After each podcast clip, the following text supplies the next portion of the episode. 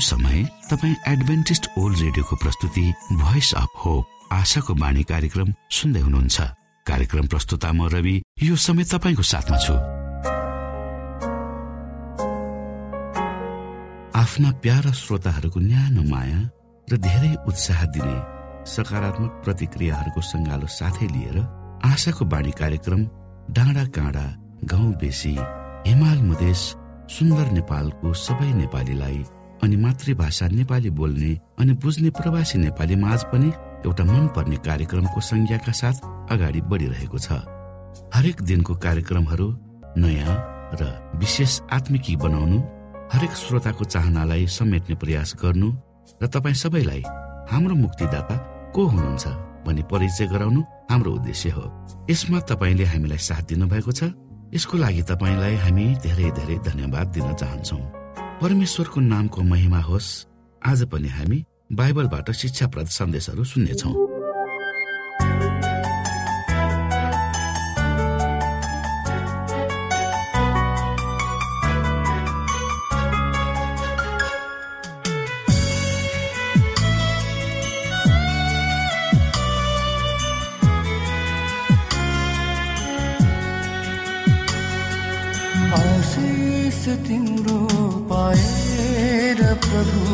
म धन्य भएको छु आशिष तिम्रो पाएर प्रभु म धन्य भएको छु मान्छे भई मान्छेलाई बुझ्न सकेको छु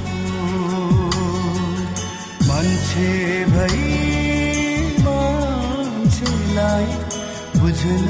सखी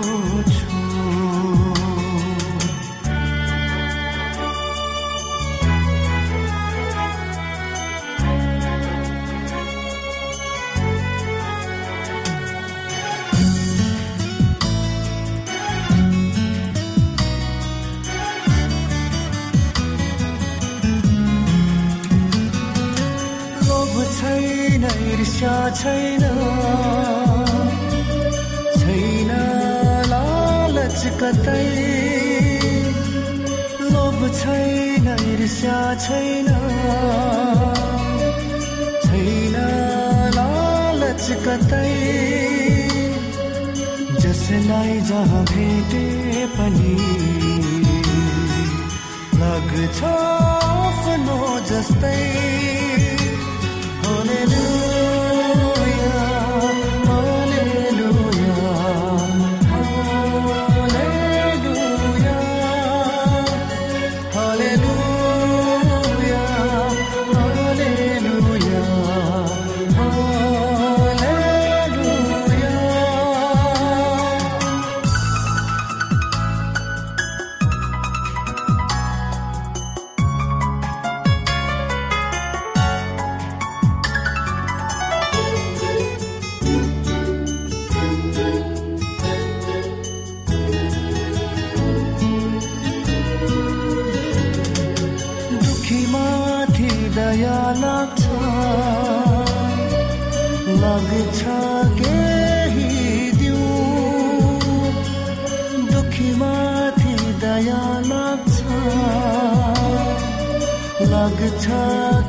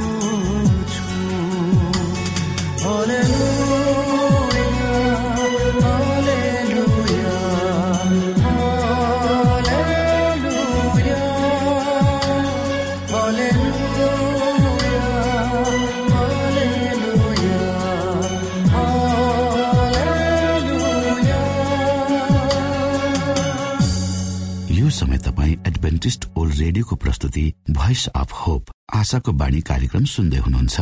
श्रोता मित्र यो समय हामी पास्टर उमेश पोखरेलबाट आजको बाइबल सन्देश सुन्नेछौ। श्रोत साथी न्यानो अभिवादन म तपाईँको आफ्नै आफन्त अर्थात् पास्टर उमेश पोखरेल परमेश्वरको वचन लिएर यो रेडियो कार्यक्रम मार्फत पुनः तपाईँहरूको बीचमा उपस्थित भएको छु। आउनुहोस् तपाईँ हामी केही समय परमेश्वरको उपस्थितिमा आफ्नो समय बिताउ। आजको प्रस्तुतिलाई पस गर्नुभन्दा पहिले आउनुहोस् म परमेश्वरमा अगुवाईको लागि बिन्ती राख्नेछु।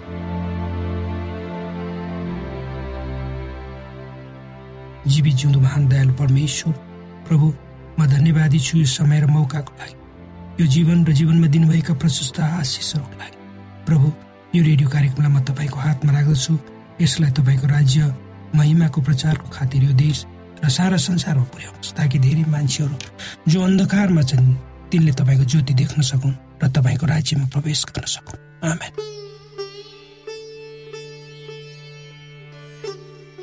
श्रोत साथी जब म सानो केटो थिएँ हामी पूर्वी पहाडको एउटा विकट गाउँमा बस्दथ्यौँ हाम्रो मुख्य पेसा खेती नै थियो। पहाडको टाकुरामा सम्म परेको ठाउँमा सानो बस्ती थियो। घरभन्दा माथि जङ्गल तलतिर भिरालो जमिन र एक घन्टा हिँडेर हामी खोलासम्म पुग्न सक्थ्यौँ। खोलाको दुवै छेउमा उर्वरा खेत थियो। त्यही खेतले गर्दा नै हामी माथि गाउँमा बस्ने मानिसहरूको जीवन सहज भएको थियो। हाम्रो घर वरिपरि भिराला बारी भिराला चारपाटी बारीहरू थिए। त्यसमा हामीहरू समयअनुसार खेती लगाउँथ्यौँ। त्यसको हेरचाह गोडमेल गर्थ्यौँ र कटनीको समयमा बडो आनन्द साथ कटनी गर्थ्यौँ।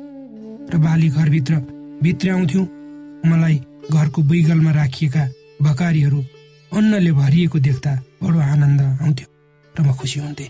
यद्यपि म सानो थिएँ श्रोता। हामीले हाम्रो बारीमध्ये एउटा गरामा आलु रोप्ने गर्थ्यौँ र अझै पनि ती आलु रोप्ने दिनहरू म बोल्न सक्दिनँ। हामी सबै परिवारका सदस्यहरू मिलेर आफ्नो बारीमा काम गर्थ्यौँ। मेरो बुबाले बारी सम्याउनु र खन्नुहुन्थ्यो। आलुका बिउहरू तयार बनाइएको माटोमा राख मैले राख्थेँ। र मेरी आमाले ती बिउहरूको छेउमा मल हाल्नुहुन्थ्यो र मेरी बहिनीले उक्त बिउ र मललाई माटोले पुर्ने काम गर्थे त्यसपछि जब म आफ्नो घरबाट बाहिर निस्कन्थेँ खेल्न वा स्कुल जान भनेर मेरो नजर उक्त बारीमा पर्थ्यो जहाँ हामीले आलु रोपेका हुन्थ्यौँ अनि छक्क पर्थेँ जमिन मुनि ती आलुका बिउहरू के गर्दै होलान् भनेर सोच्दथे। केही समयपछि ती आलुका बिउहरू जमिनलाई चिर्दै टुसा टुसाएको देख्दा मलाई बडो खुसी लाग्दथ्यो। त्यसपछि हामी समय समयमा गएर आलु बारीमा गोडमेल गर्थ्यौँ। र छिट्टै आलु खन्ने बेला हुन्थ्यो। जब एक दिन मेरा बुवाले माटोभित्रबाट आलुका ठुला ठुला दानाहरू निकाल्नुहुन्थ्यो म छक्क पर्थेँ रमाउँथे उफ्रन्थे। किनकि हामीले रोपेका साना आलुका बिउहरू ठुला ठुला भएर प्रशस्त फलेको देख्दा मलाई अचम्म लाग्थ्यो। मेरो सानो त्यो मस्तिष्कले ती कुराहरू बुझ्न सक्दैन थियो ती आलुहरू ती आलु हाम्रो निम्ति विभिन्न परिकार हुन्थे। हामी प्रत्येक दिन आफ्नो भान्सामा तिनलाई प्रयोग गर्थ्यौँ। र हाम्रो परिवारलाई वर्ष दिनभरि खान पुग्थ्यो। यो अचम्मको सत्य थियो श्रोत। श्रोत साथी ती दिनहरूको विषयमा सोद्धा वा ती विशेष स्मरणहरूको विषयमा कल्पना गर्दा म कति समय छक्क पर्छु आफूले आफूलाई प्रश्न गर्छु। कति यस्ता अरू बिउहरू हामीले जमिनमा रोप्यौँ भनेर जुन मानिसका हृदय वा मनभित्र बढे जसलाई हामीले देख्न सक्दैनौँ। कति पटक परमेश्वरले हामीलाई प्रयोग गर्नुभयो र हामीले भनेका साना कुरा र गरेका साना काम बढेर एक सुन्दर रूप लियो भने कति पटक परमेश्वरले हामीलाई प्रयोग गर्नुभयो होला? हामीले भनेका साना कुरा र गरेका साना कामहरू बढेर एक सुन्दर वृक्ष भयो भनेर कतिपटक स्वर्गले यी साना बिउहरूलाई मानिसहरूको आत्मामा मिठा अनुभूति दिलाउन हामीलाई प्रयोग गर्नुभयो भनेर। श्रोत साथी प्रत्येक दिन हाम्रो जीवनमा हामीहरू संसारको बारीमा आफ्ना पाइलाहरू राख्छौँ। प्रत्येक दिन हामी जानेर वा नजानेर बिउहरू रोप्छौँ र ती बिउहरू ठुलो भएर बढ्छन्। यद्यपि तपाईँ हामीले बोलेका नम्र वचन र गरेका कामहरूबाट बढेका बिरुवा त्यसको फल हामीले नदेख्न सक्छौँ तर परमेश्वरलाई थाहा हुन्छ। हामी के गर्छौँ के बोल्छौँ भनेर। मलाई विश्वास छ तपाईँ हामी जहाँ भए पनि जे जे गर्दै किन नहौँ हाम्रो वरिपरि हामी बगैँचा लगाउन चाहन्छौँ। उक्त बगैँचाको हेरचाह गर्न हामी हामी आतुर रहन्छौँ र त्यसबाट फल फलाउन चाहन्छौँ। श्रोत साथी म चाहन्छु तपाईँले आफ्नो जीवनमा केवल असल शान्ति दया जस्ता कुराहरू रोप्नुहुनेछ। जो जो मानिस तपाईँको सम्पर्क वा सम्बन्धमा हुन्छन् आउँछन् तिनीहरूको जीवनमा तपाईँले प्रेम दया आनन्द शान्ति धीरज नम्रता संयमता क्षमा जस्ता बिउहरू रोप्नुहुनेछ। ती बिउहरूले बिउहरूले फल्ने फुल्ने मौका पाउनेछन् र धेरै मानिसहरूमा ती असल बिउहरू पुनः रोपिनेछन्। र यो प्रक्रिया निरन्तर चलिरहनेछ र हामी प्रत्येक एउटा जीवित आशा लिएर आफ्नो जीवन यात्रालाई अगाडि डोहोऱ्याउने छौँ र हाम्रो जीवन यात्राको क्रममा हामी आफ्नो लागि नभएर अरूहरूको निम्ति बाँच्ने कोसिस गर्नेछौँ र मानिसहरूको हृदयमा अचम्मको अनुभूति गराउनेछौँ। पवित्र शास्त्रमा भनिएको छ यो संसारमा रहँदा तपाईँ र मैले कसैको निम्ति गरेको उपकार वा कुनै सहयोगलाई स्वर्गले देख्छ अरे र सम्झनेछ भने। हामीलाई आफ्नो जीवन अरूको सेवाको निम्ति हामीलाई हाम्रो जीवन अरूको सेवाको निम्ति दिएको न कि आफ्नै लागि मात्र जिउन भने। त्यसकारण कोही मानिसलाई हाम्रो मद्दत चाहिन्छ भने हामी मद्दत गर्न तयार रहनुपर्छ। अर्थात् जो मानिसहरू अरूहरूको निम्ति आशिष बन्छन् तिनीहरू स्वर्गको राज्यमा पस्नेछन् भनेर प्रतिज्ञा गरिएको छ। जब तपाईँ र मैले क्रुसलाई बोक्ने निर्णय गर्छौँ र यसोलाई पछ्याउँछौँ त्यसको अर्थ हामी दयाको काम गर्न राजी भएका हुन्छौँ। पवित्र धर्मशास्त्र बाइबलका धेरै पदहरूमा हामीलाई व्यावहारिक जीवन जिउन उत्साहित गरिएको छ। त्यसैले त भनिएको छ यदि कसैले जाडोमा आफ्नो साथीलाई तिमीलाई जाडो भयो गएर आफूलाई तातो पार भने भन्छ तर उसलाई उड्ने कम्मल दिँदैन भने त्यो साथी होइन। विशेष गरी इसाईहरू दयावन्त हुन्छन् र ती भावनाले उनीहरू डोहोऱ्याइएका हुन्छन् र संसारलाई भिन्न बनाउन उनीहरू लागि परेका हुन्छन् कवि धर्मशास्त्र बाइबलको मर्कुस नौ अध्यायको एकचालिस पदमा यसो यसो भन्नुहुन्छ किनभने जसले तिमीहरू क्रिस्का हौ भनेर तिमीहरूलाई मेरो नाउँमा एक कचौरा पानी पिउन देला साँच्चै म तिमीहरूलाई भन्छु त्यसले कुनै किसिमले आफ्नो इनाम गुमाउने छैन। श्रोत साथी हामीले गरेको सानो सहयोग किन नहोस्? हामीले बोलेको सा मिठो वचन किन नहोस्? वा हाम्रो सानो मुस्कानले भरिएको अभिवादन किन नहोस्? यी कुराहरूले कसैको हृदयमा मिठो अनुभूति गराउन सक्छ। कसैलाई आफ्नो जीवनप्रति आशा जगाउन सक्छ। कसैलाई बाँच्ने ऊर्जा प्रदान गर्न सक्छ। प्रत्येक दिन जब हामी आफ्नो यात्रामा हुन्छौँ जस जसलाई हामी भेट्छौँ कृपया गरी आफूसँग भएको कुरा बाँड्न नबिर्छौँ कसैको चोटमा आफू पनि दुखित हुन सिकौँ र अभाव र खाँचामा परेकाहरूको लागि आफ्नो मुठी खोल्न सकौँ। र सहारा विहीनहरूको निम्ति लट्ठी भएर सहारा दिन सकौँ। यी सबै हामीले हाम्रा जीवनमा छर्ने बिउहरू हुन्। तपाईँले मैले छरेका कति बिउहरू नउम्रन सक्छन् उम्रे तापनि बिचैमा मर्छन् बढे तापनि फल फलाउँदैन तर ती बिउहरूमध्ये केही बिउहरू उम्रेर बढ्न सक्छन् र प्रशस्त फल लगाउनेछन् तर त्यसबाट धेरै मानिसहरू आशिषित हुनेछन्। हाम्रो जीवन छोटो छ श्रोता कुनै पनि राम्रो काम भोलिलाई नराखौँ जति सक्दो आजै गरौँ त्यही कुरा हामीले आफ्नो जीवनमा छर्ने बिउसँग पनि लागु हुन्छ। यदि तपाईँ हामी आफ्नो लागि मात्र नभएर अरूको निम्ति पनि बाँच्न चाहन्छौँ तब तपाईँ हाम्रो जीवनको उद्देश्य लक्ष्य र जीवनलाई हेर्ने दृष्टिकोण नै परिवर्तन हुन्छ। हामी अरूको निम्ति सहारा र आशिष र आशा बन्दछौँ परमेश्वरले यही यी वचनहरूमा तपाईँलाई आशिष दिनुहोस्।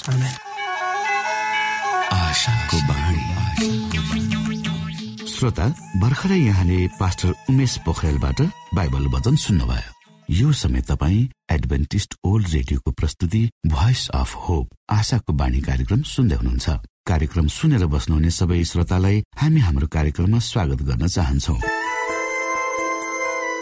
श्रोता मित्र यदि तपाईँ जीवनदेखि हरेस खानु भएको छ तपाईँका जीवनमा धेरै अनुत्तरित प्रश्नहरू छन् भने आउनुहोस् हामी तपाईँलाई परमेश्वरको ज्योतिमा डोहोर्याउन चाहन्छौँ। र तपाईँ आफ्नो जीवनका चिन्ता फिक्रीबाट निश्चिन्त हुनुहोस् र बाँच्नुको आनन्द परमेश्वरको सामिप्यमा कति मिठो हुन्छ त्यो चाख्नुहोस् भनी हामी चाहन्छौँ।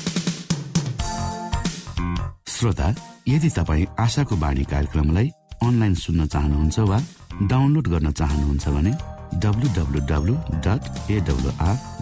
ओआरजीमा जानुहोस्। त्यहाँ तपाईँले प्रत्येक दिनको कार्यक्रम सुन्न र डाउनलोड गर्न सक्नुहुनेछ। हाम्रो वेब पेज यस प्रकार छ W dot AWR dot ORG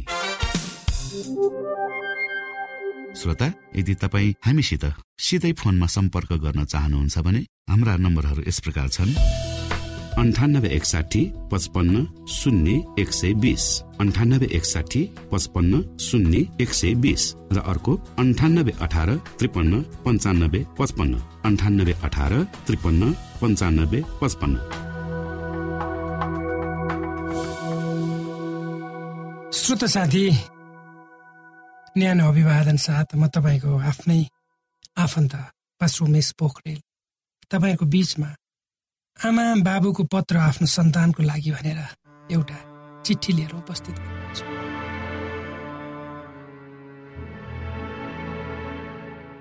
मेरो नानी छोरा जब म बुढो हुन्छु तर पनि तिमीले मलाई बुझ्नेछौ र मसँग धैर्यतापूर्वक व्यवहार गर्नेछु। जब मैले आफ्नो वृद्ध आँखाले प्रष्ट नदेखेको कारणले टेबलको प्लेट खसाए र भात छरेर खाएँ भने त्यति बेला मसँग रिसाएर तिमी कराउने छैन। वृद्ध मानिसहरू बडो संवेदनशील हुन्छन्। जब कसैले उनीहरूसँग चिच्याएर कराए भने उनीहरूको मन छिटै दुख्छ। जब मैले कान कम सुन्न थाल्छु अर्थात् तिमी के भन्छौ त्यसलाई राम्ररी नसुन्ने हुन्छ त्यति बेला तिमीले मलाई फेरि तिमीले भनेका कुराहरू भन्नेछौ र बहिरो भन्ने छैन। म क्षमा चाहन्छु मेरो छोरा किनकि प्रतिदिन म वृद्ध हुँदै गइरहेको छु।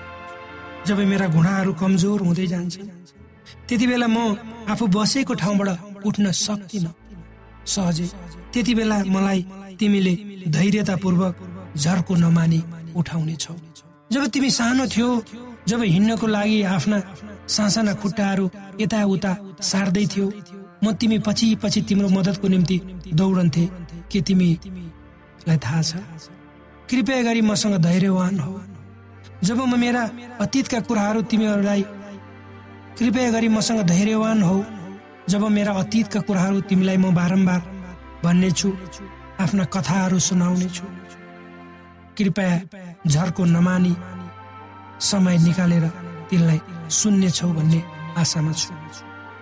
कृपया मेरो अवस्थालाई हेरेर गिल्ला गर्ने छैनौ। जब म बिमारी हुन्छु मैले भनेका कुरा सुन्ने छौ के तिमीलाई थाहा छ जब तिमी सानो थियो तिमीलाई बेलुन खुब मन पर्थ्यो। तिमीले मसँग बारम्बार बेलुन किनिदिनुहोस् भनी भन्थ्यौ र जति बेलासम्म मैले बेलुन तिमीलाई किन्दिनथे तिमी मागिरहन्थ्यौ। जब तिमीले बेलुन पाउँथ्यौ तिमी खुसी भएर उफ्रँदै त्यो बेलुन सँगै दौडन्थ्यौ। के तिमीलाई थाहा छ? म वृद्ध भएकोले मेरो शरीरबाट नराम्रा गन्धहरू आउन सक्छन् कृपया गरी मलाई क्षमा गर। कृपया गरेर मलाई नुहाउन पर्छ भने जबरजस्ती नगर किनकि म वृद्ध भइसकेको छु। मेरो शरीर कमजोर छ। वृद्ध मानिसहरू सजिलै बेरामी पर्छन्।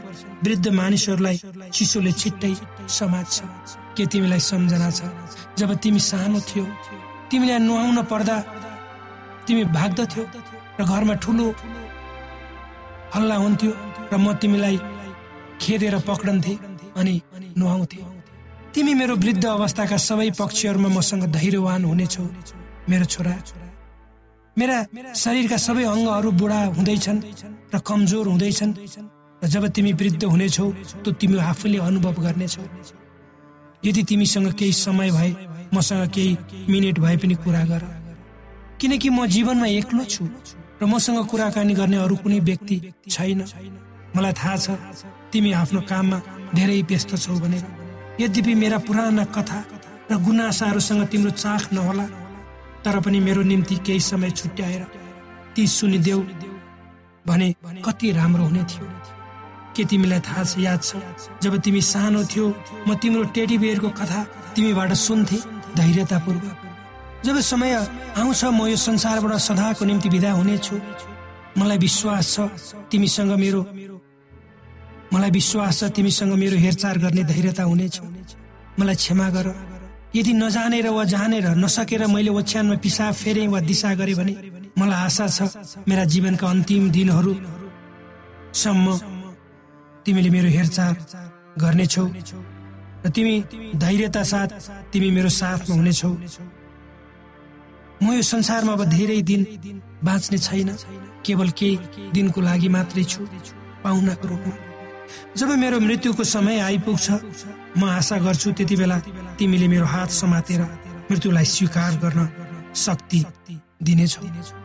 र म कुनै चिन्ता बिना यो संसारबाट विदा लिने छु।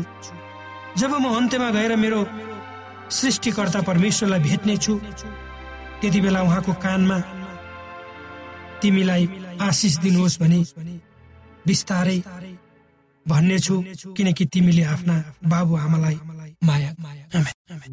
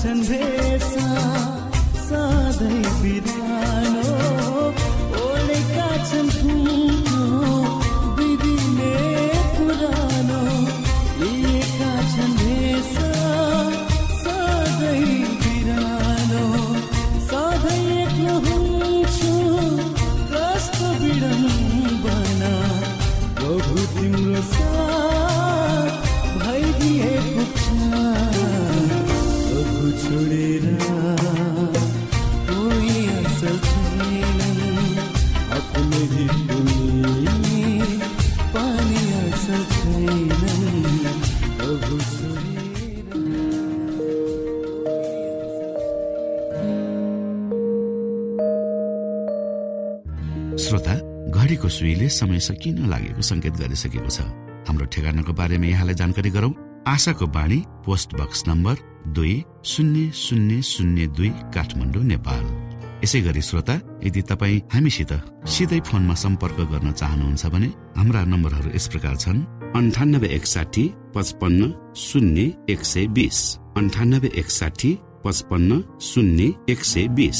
र अर्को अन्ठानब्बे अठार त्रिपन्न पन्चानब्बे पचपन्न। अन्ठानब्बे अठार त्रिपन्न पन्चानब्बे पचपन्न। हवस् त श्रोता हाम्रो कार्यक्रम सुनिदिनु भएकोमा एकचोटि फेरि यहाँलाई धन्यवाद दिँदै भोलि फेरि यही स्टेशन र यही समयमा भेट्ने बाजा गर्दै प्राविधिक साथी राजेश पास्टर उमेश पोखरेल र कार्यक्रम प्रस्तुता म रवि यहाँसँग विदा माग्दछौ। परमेश्वरले तपाईँलाई धेरै धेरै आशिष दिनु भएको होस्। नमस्कार।